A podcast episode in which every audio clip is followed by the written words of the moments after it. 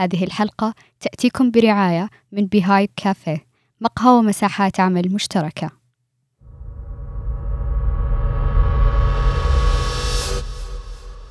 حياكم الله مستمعين معاكم عبد الله السحيم موجود محية اليوم راح نستعرض أول حلقة من حلقة تكبار من بودكاست شريحة وراح نستعرض أهم الأخبار وأبرزها من مجالات التقنية.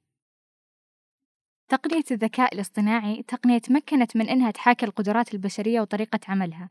قدرت أنها تستبدل بعض المهن مثل المحاسبة والتصوير وغيرها لكن الغريب أنها تقتحم عالم المحاماة.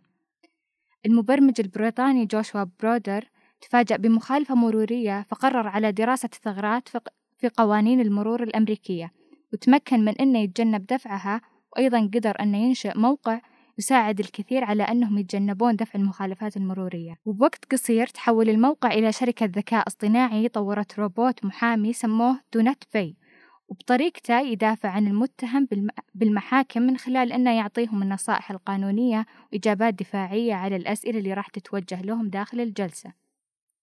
ولكن كيف ممكن كل هذا يحصل؟ تم تدريب الروبوت على ملفات لها صلة بالمخالفات المرورية وأيضا تم تزويده ببرامج تحاكي جلسات الاستماع داخل المحكمة.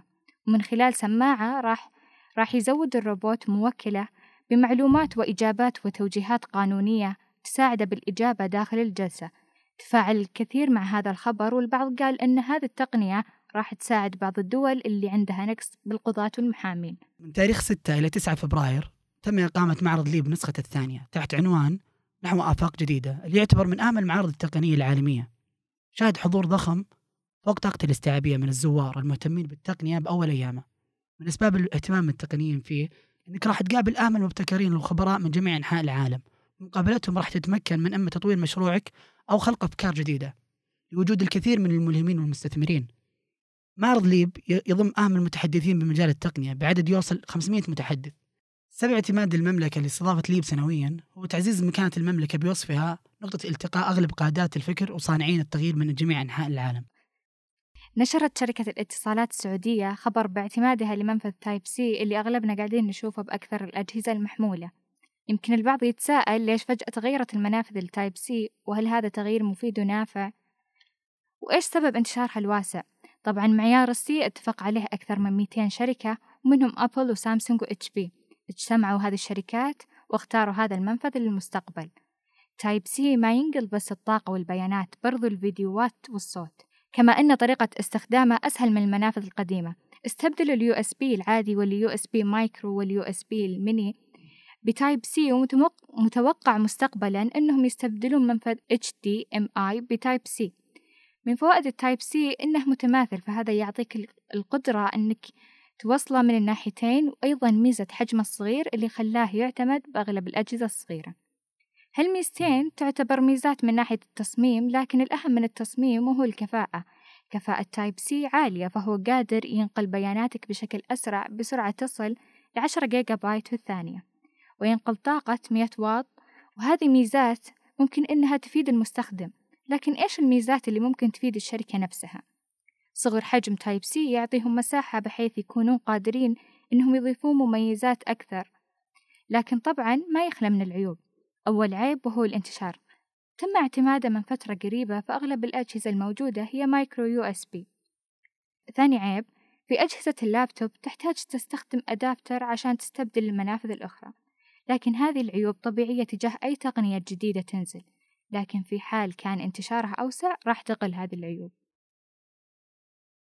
جوجل والكثير من الشركات التقنية الضخمة قامت بتسريح عدد كبير من موظفينها. بما أن ذكرنا جوجل انتشرت عمليات التسريح في الشركة بكل مشروع تقريبا وأكدت جوجل أنها قررت تنهي معظم فريق Area 120 بسبب أنهم كانوا خامدين لفترة طويلة مما أدوا لنزول كبير في الشركة وأثرت على نصف مشاريعها تقريبا. وأعلن قسم Google Brain اللي يعمل على تطوير ال machine learning أنهم بيطبقون التقنية على عدد من المنتجات اللي بنشوفها في حدث Input Output في شهر ماي. وأما أمازون أكدت الشركة من أشهر أن قرار التسريح شمل قسم الأجهزة والخدمات. في بداية يناير قال رئيس القسم أنه بسبب إعلانات التسريح أثرت على كثير من الموظفين القسم. هذا القسم يعد القسم الرئيسي للأجهزة.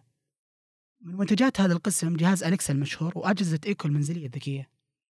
شملت عملية التسريح عدد كبير من الموظفين في مشروع Prime Air drone كان هدف المشروع أنه يوصل الطرود باستخدام طائرة بدون طيار بما في ذلك مقرها الرئيسي. وأخيرا مايكروسوفت حدثت عمليات تسريح كثيرة وأكثر الأقسام اللي تضررت كان قسم الألعاب خصوصا قسم تطوير لعبة Starfield و Halo 343 Industries و The Coalition القائم على ألعاب Gears of كما أغلقت مايكروسوفت أيضا AltspaceVR الصادم أنهم كانوا يقولون الموظفين اللي كانوا في فريق Microsoft Mixed Reality Toolkit إنهم انفصلوا كلهم. في ختام هذه الحلقة كان في إعداد المحتوى فاطمة عبد الله محمد الماضي العنود الرشيدي لينا الخراشي وفي البحث حاتم الحميد عبد العزيز السنان وفي المونتاج حمد البقعي.